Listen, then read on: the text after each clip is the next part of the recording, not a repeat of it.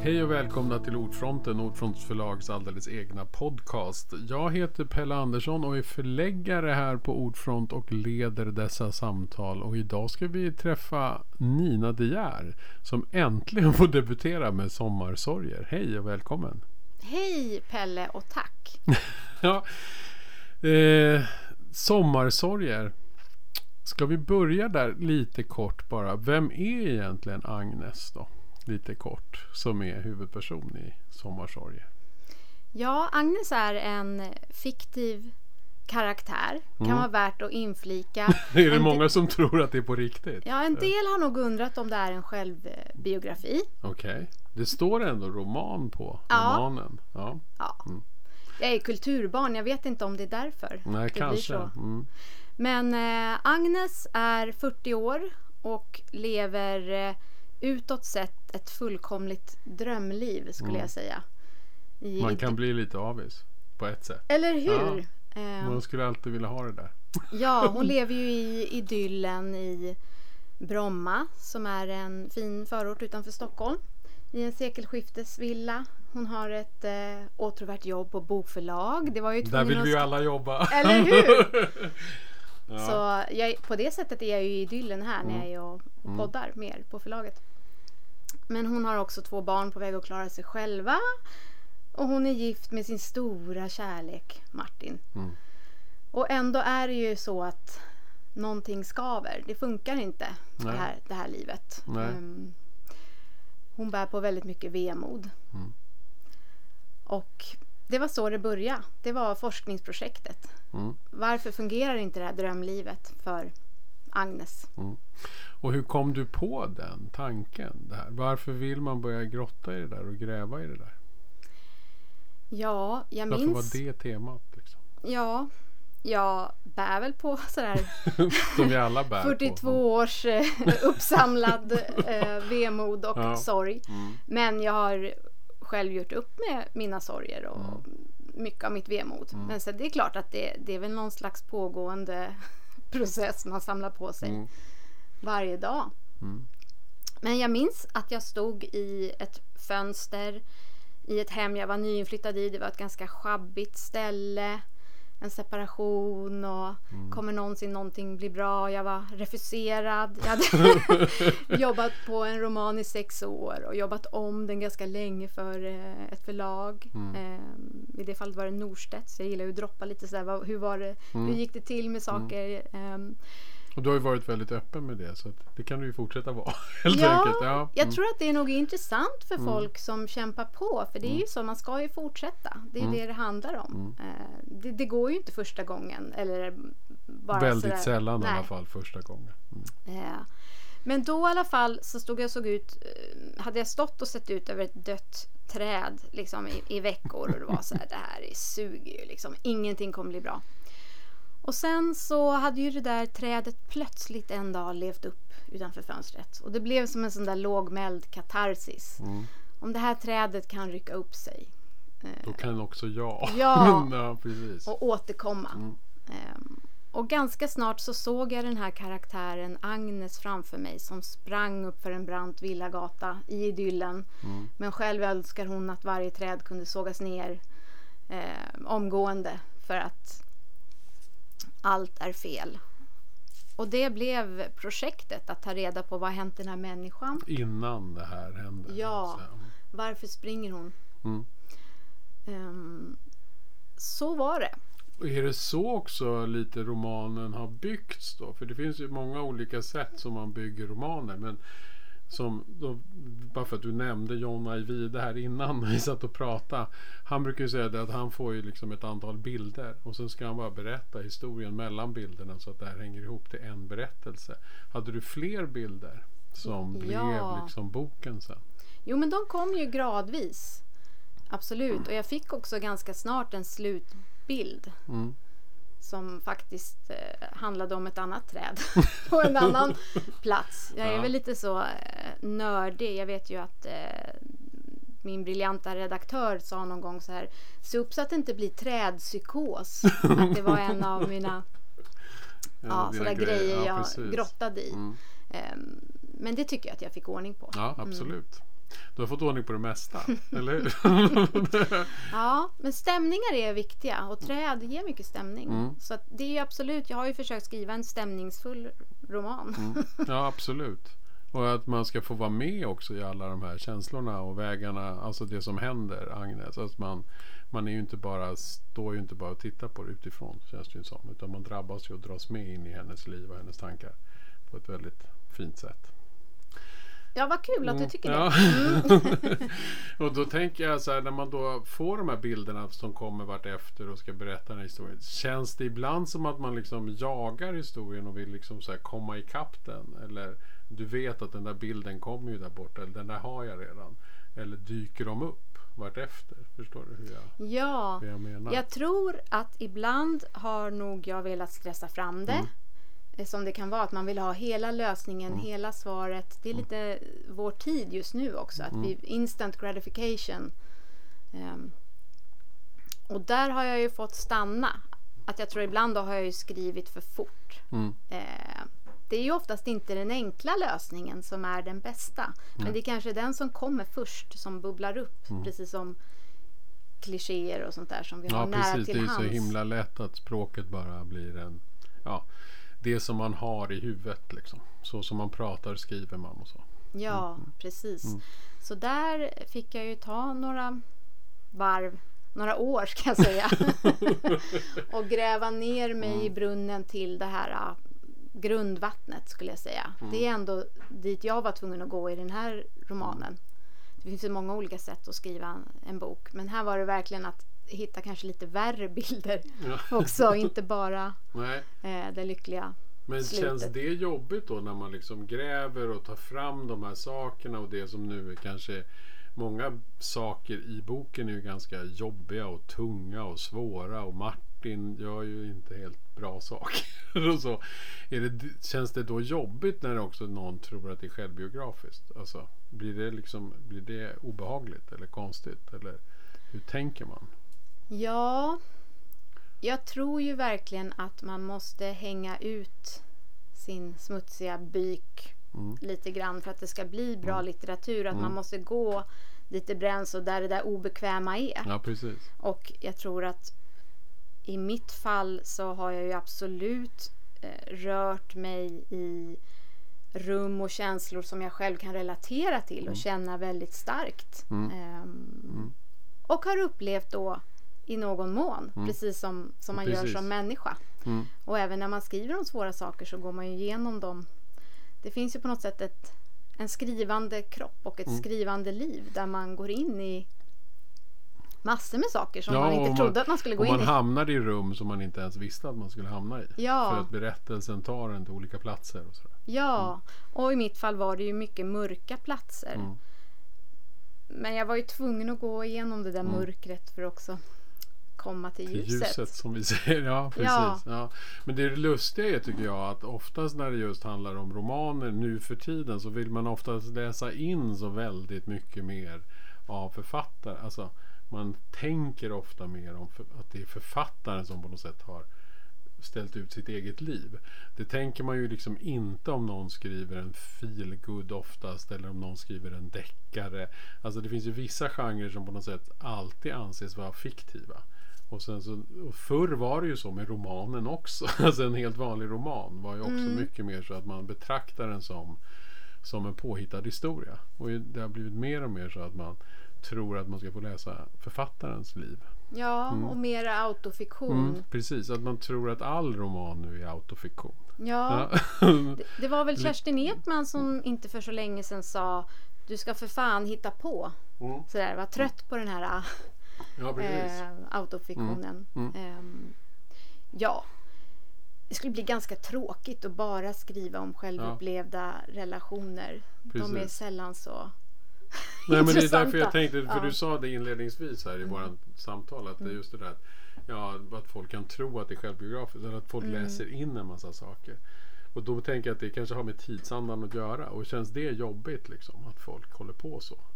När det Lite. egentligen är en roman. Alltså, Ja, skit i mitt liv, läs romanen. ja, Alltså, men så är det ju. Absolut. Ehm, sen när man skriver så är väl det en rädsla alltid att någon ska tro Mm. oj, har du på något sätt använt mig eller Ja, det. Eh, stulit det här av mig? Och jag Mm. tror ju Och att det gör man ju också kanske som författare. Ja. Alltså det skär lite saker här och var. det är ju eh, tveeggat. Ja. Helt enkelt. Ja. Ehm, där tror jag att det var kan det ha varit Fredrik Backman som sa det så bra att det krävs många apelsiner för ett glas juice. Man Mm. tar ju liksom inte en apelsin, en människa och så Nej. blir det en karaktär. Bra man, sagt faktiskt. Väldigt bra sagt. Eller hur? Mm. Man tar ju små, små saker här och där som kan ju vara väldigt så här, bara hur någon blåser på kaffet tror jag att det var, jag snodde Mm. eh, av min faktiska man som jag är gift med nu. Mm. Ehm, och många sådana där saker som man kan tycka är liksom lite gulliga eller fina. De ska man ju ta och lägga i antagonisten. Eller den Just som är det, liksom precis. skurken. Det är ju hela grejen tycker jag. Att försöka skapa så mänskliga personer som möjligt. Mm. Och det har väl varit min rädsla att jag har tagit kanske fina saker ibland från människor jag älskar. Mm. Och sen liksom öst dem i, I de här som är... Som du inte gillar i boken. Ja, exakt. knö- knäppa typerna. Ja, precis så. Ja, mm. Men när man sitter där och håller på, hur mycket är det då som bara är liksom forsar fram? Och hur mycket måste man sen jobba och slita och skriva till och knöla med? För du säger att du har hållit på ganska länge. Ja, 13 års olycka ja, innan. precis. Hur orkar man? Ja, Mm. nej men det är väl det här att jag skulle ju hålla på ändå. Mm. Även om jag inte fick ut böcker. Det är så Det är den- roligt ändå att hålla Ja. på med det här. Och det är ju på något sätt en lite bister sanning. För att det är ju en tidskrävande hobby som man då tar från familj och, och vänner och andra Mm. eh, välgörande. Hur tar man sig rätten att göra det då? När man, om man nu tänker att du skulle bara fortsätta och fortsätta och fortsätta. Hur, man tänker ju att man kanske, om det inte blir en roman, att man till slut ger upp. För att man tänker, de tycker jag är knäpp som går in i det här rummet och sätter mig och skriver när jag inte blir utgiven. Men du har Ja, hållit på i 13 år. Jag tycker det är ganska anmärkningsvärt att du har orkat. ja Faktiskt. jag, Även om tänker, folk håller på länge. Mm. jag tänker en del kanske helt enkelt inte behöver 13 år utan att det bara flödar och det finns ju sådana solskenshistorier eh, olika agenthistorier och sålde till 30 länder direkt och sådär men jag tror ju för många att att skriva en roman eller vad det nu är man försöker göra Mm. Jag tror att i Sverige har vi någon slags likställt med det här jag lärde mig skriva i skolan Mm. alltså kan jag sätta meningar efter varandra Och då blir det en roman till slut. Ja, jag behöver bara en semester.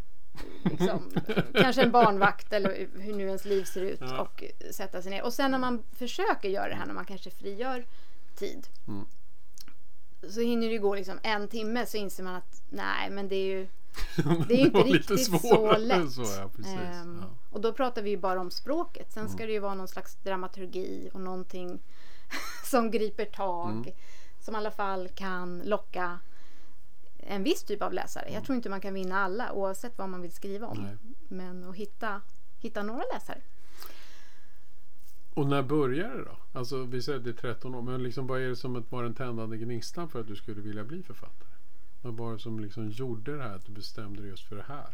Och inte något annat konstnärligt? Jag har alltid varit en skrivande person ehm, i den meningen att jag sådär. Mer än att bara sätta meningar efter varandra. Ja. Ja. Exakt. Ja. Eller ja, det är ju det jag gjorde. jag satte meningar efter varandra. Men, Men, du på den ville något nivån. mer? Mm. Jag tror sådär att en del personer bara har något behov av att anteckna eller alla intryck som eh, bara sköljer in varje dag. Så har vissa personer då ett behov av att på något sätt kategorisera dem eller no- Strukturera sköta dem. Ja. Precis, om det nu är dagboksanteckningar eller noteringar eller bara lappar. Det tror jag är väldigt vanligt. Mm. Eh, Men jag lät det där vara ganska länge och har varit lite sådär försökt hålla mig på mattan. Tänkt nej men kulturarbetare, jag kommer från en familj där det var ofta ont om pengar. Ja, en kulturfamilj där det ofta var så här uh, kronis skulle komma, fogden skulle komma och Mm. liksom nu gömmer vi VHS VHSen i Ta ner linneskåpet. tavlorna. Ja men exakt, Ja. att det var ofta kärvt och väldigt trångbott och sådär. Så jag tänkte det här att hålla på med kultur, mycket ska ju till för att det ska gå bra. Mm. Ehm, Och ändå gjorde du det. så jag skrev nog bara med, med lappar och dagbok och sådär men jag tänkte aldrig att det kunde bli något mer. Nej. Och sen efter många andra vändor där jag har liksom pluggat på högskola i säkert åtta år och hållit på med det ena och det andra. Så går det ju inte ändå att stoppa det utan Nej. det fortsätter ju bara. Och så blir det väl bara ett mer trängande behov tänker jag kanske med ålder. Så runt 30 då var det väl bara så här, nej, Nej, nu måste nu gick det inte. Så då började jag ju skriva längre och längre Mm. stycken och till slut så ja, försöker man väl systematisera det där på något sätt. Och sen att du har liksom också gjort den här podden, Debutera eller dö och så. Alltså att gå ut med det här att man liksom blir refuserad och att man försöker ta reda på hur man ska göra och allt det här. Alltså, vad kändes det också helt eh, liksom självklart? Att du tyckte att det här var viktigt? Alltså många skulle kanske tänka så här, jag håller det här i byrålådan tills jag får mitt stora genombrott på något sätt. Ja, Mm. där har jag ju känt tvärtom att kan jag lära mig någonting på vägen och förstå någonting om den här världen? För förlagsvärlden är ju väldigt stängd. Mm. Lite som så här, förr i tiden sa man så här, vad gör man på banken efter klockan tre? Vad Vad gör man någonsin på förlag? Nu vet jag ju det, mer. Men Du det har var börjat lite där att det vi började. faktiskt gör något. Ja, men just det där att författarna skriver, Mm. men de är ju inte på förlagen. Nej. Ehm, att förstå alla de här processerna och hur mycket bearbetning varje då manus, Manus har liksom. behöver. fått. Mm. Det är ju ingenting som, som man kan veta, eller jag visste i alla fall inte det Nej. innan. Var det därför också du valde att lägga Agnes liv i, på ett bokförlag? Ja, jag var absolut nyfiken och ville liksom nosa mer på den här världen och kände ju att jag kunde ju få vara där bara på min kammare. det var ju väldigt härligt. Ja. Och sen såklart kände jag mig till viss del redan som en del av den världen och det kan låta konstigt nu. Men då när jag hade börjat driva den här podden efter några år så drog den till sig mycket PR-byråer som hade förstått att här kan vi få in författare som kan få prata om sina böcker. Mm. Och det säger mycket om också hur ganska få vägar det finns att nå ut med böcker. Det finns ju en del tv-program och radioprogram men inte Nej. enormt eh, Nej. stort utbud. Nej. Så även om man då är en amatör som går en Youtube-kurs i hur man gör en podd och lär skruvar ihop en mix så kunde jag ganska snabbt få mycket Bra förslag. gäster och roliga grejer att göra. Ja. Mm. Mm. Jag har bland annat då träffat John Mm. Ajvide Lindqvist Precis. och ja, Fredrik Backman ställde upp och han ställde inte upp på någonting men han var lättövertalad. Det finns någon också sån här att det, jag tror författare tycker det är kul att få prata med någon som också försöker Mm. skriva. Att det blir en slags podd om någonting mer än bara Och Ja. sen så tror jag att även författarna har ju en viss speciell känsla till sin egen debut. Och tiden före debuten. Och hur man kan liksom kanske peppa och stärka folk. Alltså jag tror författare känner väl att man vill vara med där och hjälpa till. Ja, Ja. Mm. absolut. Och det känner jag ju att jag fick väldigt mycket pepp och stöd och goda råd. Mm. Så på det sättet tyckte jag väl att jag var nära förlagsvärlden för jag fick åka till förlag och prata med Mm. både författare och förläggare. Jag fick prova din stol här en gång när vi var eh, inne i det här kontoret. här. Ja. Som jag inte har en aning om. ja. ja, så det var ju lite att ta sig in undercover, eller vad säger man? Mm. Innan jag hade något eh, kontrakt ens i närheten. Och det är därför det sen blev ordfront. Så. Det är Eller hur? faktiskt Du hade lustigt. liksom på något sätt tagit in den här platsen. Jag hade absolut ett gott öga till ordfront. Mm. Sen tror jag att den första versionen av det här manuset tror jag kom bort. Eller Mm. jag fick inget svar från ordfront. Nej. Och då hade jag ju börjat bearbeta det för ett annat förlag som jag höll på med i flera Mm. vänder. Mm. Och sen när det inte passade där på listan. ehm, det var Albert Bonnier som jag hade jobbat om den för länge. ehm, så skickade jag den igen då på en runda. Och då eh, ringde ju eh, Jenny Bjarner Mm. som är förläggare här mig ganska omgående. Och då visade det sig att hon var en passionerad debuter- debutera eller dö-lyssnare. Mm. Så hon hade till och med sagt till någon så här, får ni in ett manus från Nina Dier så skicka det till mig. Så det var lite lustigt. Då hade jag på något sätt banat vägen för det här. Mm. Samtidigt ska jag säga att jag tycker inte att jag har fått någonting gratis eller att jag har fått in någon Nej. liksom fot utan det har ju bedömts, alla manus jag har skickat in har ju bedömts liksom med alla de andra manusen. Det är inte som, jag tror nästan att det kan snarare ligga en i fatet om man är en sån här som håller på och poddar och vill in och så här bara träffa folk. Att det ska ju ändå vara hantverket och Ja men så är det nog. Alltså, det tror jag nog att nästan alla. Alltså, jag tror inte att det ligger en i fatet. Men man, alla texter får ju samma läsning. Alltså, Mm, mm. Faktiskt. Och jag tror att det är så även med då. Man, det är många som säger så här. Kändisar får skriva böcker. Ja, kanske att kändisar har, man blir liksom. Det finns redan en marknad. Men det måste ju ändå bli en bra text till slut. Alltså det går ju Mm. inte att ge ut böcker som inte är bra. Så att även den där. Den får ju också jobba med sin text i sånt fall tills den funkar. I alla fall Ja, anser jag det. Men, ja. men det här med förlagsvärlden också. Det, det du säger att den är så sluten. Ger det också det här lilla skimret att få se det inifrån? Att Agnes, alltså det finns ju kanske något intresse där som finns hos läsarna också. Att de faktiskt också undrar vad fan gör de där inne? Mm. Ja. Och det roliga är ju nu när jag har skrivit den och sen fått ett kontrakt så kan ju se nu att jag kanske skrev den lite från den här utanför perspektivet när man längtar in. Ja. Att det är ju två författare med i boken. Som den här. Agnes jobbar ju då som redaktör Mm. på ett förlag som ger ut eh, eh, kommersiell litteratur. Helst bästsäljare Ja, som precis. hamnar på topplistorna. Mm. Att de här författarna är ju lite jobbiga och har rätt förspänt. Eh, och det är Ja. egentligen inte så jag tänker om de flesta författare. Jobbar ju Nej. jättehårt. Mm. Och har inte så mycket gratis. Men det är ju kul att leka lite med. Absolut, och det där finns väl alltid. Det finns ju alltid en spänning i det där äh, förhållandet. Jag menar mellan redaktör, författare, förläggare, författare. För att det är ju. Jag ska ju, behöver inte gå in på några detaljer. Nej, men det är ändå så att det finns ju hela tiden att det ska tas om. Alltså man är ju rädd om sina författare. Man vill ju att de ska må bra, man vill ju att de ska känna sig trygga, att de ska skriva så bra som möjligt och inte behöva tänka så mycket på annat. Och då blir det ju också att det här, det blir ju så att man vill hålla det på, på ett gott humör. Och det kan ju ibland gå till överdrift. och så. Men, men äh, för till exempel Ring min agent, har du sett det? Ja, Den franska, ja, serien om skådespelare. Där har man ju dragit allt i sin spets. Men Mm. jag tror att det där, den lilla, den känslan kan finnas lite darrande i luften hela tiden på ett Ja. förlag.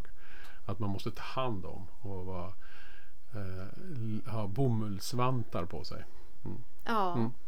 ja, det är inte lätt att skriva. Så att det, Nej, Det så är att det, mycket man, som måste, händer. man måste sen bli omhändertagen Mm. och få lite värme och kärlek från förlaget. Mm. ja.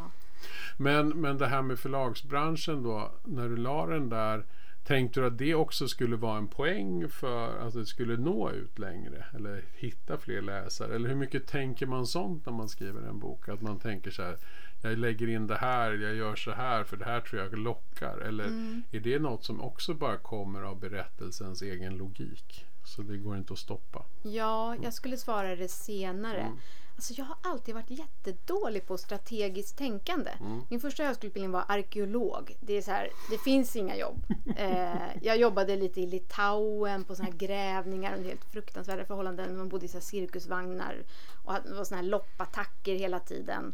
Det låter Eh, inte riktigt bra. Det är såg lättare så- att vara författare. Ja, men absolut. Jag är, tycker ju nu att jag är i himlen. Ja. Där står vi på såna här britsar såna här kedjor som hängde i de här cirkusvagnarna. Som de var så här tunna liksom, träbritsar. Det var ett hårt liv. Det verkar ju lite onö- onödigt även för arkeolog. Ja, men, men det var inte så strategiskt att Nej. ehm, Nej. gå en sån utbildning i tre och ett halvt år. Men ja, så där har jag hållit på. Så att skriva om förlagsvärlden, jag tror att det kanske egentligen inte var så smart heller. För det kunde vara lite provocerande. Mm, Jag absolut. blev ju intervjuad i Svensk Bokhandel som är en branschtidning. Just det, precis. Och min, jag har ju skrivit om konstiga personer som bor i huset mitt emot. Eh, den här Agnes. Och mina verkliga grannar som bor i huset mitt emot det är en förläggare på ett juridiskt bokförlag. Som Okej. kom springande. Va? Grattis! Du debuterar! Sådär. Och när jag gjorde den intervjun så var den journalisten ganska kritisk sådär till en början. Hur ska du kunna skildra förlagsvärlden med trovärdighet? Hur ska det här gå? Och då var hon lite upprörd för att i samlade verk av Lydia Sandgren precis. så är det någon intervju eh, som sker med Svensk Bokhandel. Och den tyckte eh, journalisten Karin att det var ju åt fanders att det var inte alls så det gick till. Nej. Så att det ska vara rätt. Det verkar vara lite så i den här. Det kanske du får berätta för mig om det är så. Ja, men det, är ju, det känns ju ändå betydligt mer rätt i den här boken än i... Alltså, samlade verk har ju en del problem just med det som är förlagsbranschen. Eft- Ah, Okej. Mm. Ja men det är mycket också för att man förlägger det där förlaget i Göteborg. I Göteborg finns det väldigt ont om bokförlag. Det är för lite, kanske är det faktiskt en lite för liten, ja, även om Göteborg är en stor stad så blir det ändå kanske en för liten stad för att samla ett, så, det här kulturella livet. Och sen tycker jag också att den är att leva på den typen av smal litteratur och vara så stort förlag. Alltså det, det finns en del problem helt enkelt Ja. som inte liksom har med verkligheten att göra. Den var väldigt idealistisk Ja. den bilden. Lite mys, Ja. Mm. pys. Och där försökte jag ju skriva om lite mer krassare. Precis, och jag tror att man, det, det är liksom är väldigt få förlag som är så här myspys. Alltså, men man kan ju ha ett väldigt fint förlag och göra väldigt bra saker. Men nästan alltid måste du ha någon typ av kommersiellt ben att stå på för att du ska bli relativt stor. Och jag menar, kommersialism behöver ju inte alltid vara negativt men du måste ju ha det här som, som säljer och driver på. Och du måste alltid tänka på pengar och upplagor och allt det där. Det gör ju alla förlag. Så det är inte bara myspys och en härlig skön. Här sitter vi och läser romaner. det, är, det är liksom inte så. Vilket du kanske har märkt att det inte bara är det vi gör. nej, nej. Ganska lite sånt. Ja, precis. Mm. Ja. Men då måste man ju ändå fråga det här med att, att bli antagen och bli utgiven. Har det sen motsvarat förväntningen? Att liksom, känns, det så här, känns det bra? Eller är det liksom, alltså, det är ju svårt att säga kanske till förlagschefen. Men alltså, Nej, men jag, helt ärligt, är liksom, vad har blivit som du hade trott och vad har blivit annorlunda? Ja, Mm. jag minns ju mycket väl att jag blev antagen den 2 februari som då motsvarar Groundhog Day. Jag har då bott i USA i ganska många år och eh, varit gift med en amerikan och skrivit en skilsmässoroman också. Men eh, ehm, det är ju den här, om ni minns den här filmen Måndag hela veckan Ja, med Bill. Murray där han Mm. vaknar upp till samma dag varje och det är den här Groundhog Day då man ska avgöra vad det ska bli för väder i, i sommaren. Hur som helst, då när jag blev antagen var det ju som ett vakuum efter det att ingenting hände på Nej. så lång tid. Och det var väl den här Det är så första. klassiska, jaha. lite jobbiga ingenting. grejer. Nej. För sen drog det ju inte igång förrän alltså de riktiga eh, redigeringen drog igång november, december. Och det var lite chock för mig. Så sent. Sen var det ju extremt tajt på slutet. Mm. Och det var nog det som var mest chock. Oj, är det så här det går till? Jag trodde det skulle vara lite, där trodde jag mer myspys. Ett helt år av chai-te-drickande och långsamma samtal och kanske ligga på någon soffa och liksom prata. Men det, det, det har, har ni ju inte tid med på förlag. För det- ni, det är ju liksom, ni ger ju ut böcker hela tiden. Ja, det är ju det som är Ja, det väl ligger just i den där krassa ekonomiska verkligheten. Att vi måste leverera ut böcker hela tiden. Och om man levererar ut böcker hela tiden så jobbar man ju hela tiden med Ja. någon typ av bok. Liksom. Och då har man ju då som författare med ett antaget manus, då får man ju som en slot time. Mm. Liksom. Nu är det din Nu är slott, det din. nu kör vi. Ja, och då ska ju mycket till. Liksom, det ska ju tajmas. Mm. Och det är inte alltid det gör det heller. Jag minns att jag tog ledigt för att jag skulle Precis. jobba med manuset och sen blev det ändå lite försenat. Så sen då hade jag börjat jobba igen och då skulle jag börja... Och då blev det ju lite att man jobbar dygnet runt. Men det är också väldigt häftigt att få jobba så intensivt. Men det är klart att det blir Det är ju säkert också lite olika med olika processer. Ibland kan det kanske bli lugnare för det har ham- alltså, det, Mm. det är ju säkert lite upp till var och eller liksom. Vi olika, olika bokprojekt har olika vad ska man säga då? Uppgångar, tids... Det här, nu blir det jättebråttom och nu, blir det, nu är det lugnare och sådär. Så det är lite olika. Men i princip kan man nog säga att de flesta författares upplevelse är väl den där. Mm. Alltså, det hände ingenting, det hände ingenting och så plötsligt händer allting på en gång. För det är väl lite i och för sig det här med omslag och lite författarfoton, lite förarbete för PR och sånt. Det kan ju hända en bit innan. Men sen kan det bli en liten Ja. period av lugn och ro. Mm. Och till Sommarsorgers fördel så fick jag höra gång på gång att din roman, ditt manus är i så pass bra skick. Så du hamnar ganska långt bak i kön för att det var då andra eh, projekt som behövde mer insatser. Så är det ju också. Och sen så är det ju det att det kan vara väldigt olika. Vissa böcker, alltså fackböcker, då kan det ju också vara så att man har fått så här liksom du vet kapitel för kapitel och man har läst länge och följt ett projekt och varit med och utvecklat projektet och då kan det ju uppta förläggare och redaktörer på ett helt annat sätt under en längre tid. För att det är någonting som växer fram snarare. Romaner får vi oftast i ett hyfsat färdigt skick. Det är ju väldigt sällan en roman skrivs kapitel för kapitel in till förlaget. Så det är ju lite, lite olika. Mm. Men den här känslan då, var den, var den då mest en förvåning? Och sen nu då när man väl går ut och börjar få recension, hur läskigt är det? Ändå, eftersom du är debutant, hur, hur, hur upplever man det? Eller har du förberett dig väl genom ditt, ditt idoga arbete med podden och annat? så du var liksom stärkt i det? Jo, men precis. Skickar man ut något i världen får man ju vara beredd på att det blir nerskjutet. Och det har jag väl upplevt. Eh, Men du har både fått med... ändå mest positiva reaktioner. Ja, Mm, än så ja. länge så gott som Bara. eh, övervägande. Eh, eller ja, bara bra recensioner. Sen har det väl inte kommit, kommit jättemycket än. Vi får se. Men hur känns det där då? Är det läskigt då inför? Är det en av de stora rädslorna att liksom träffa få kritik eller att den faktiskt går ut i världen? Är bara det läskigt?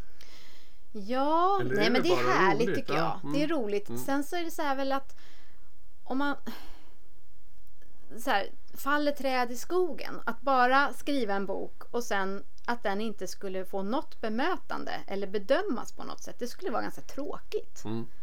Ehm, och Riktigt det är väl det, tråkigt. Ja, ja, absolut. det är ju det litteratur handlar om på något sätt, en, en dialog. Mm.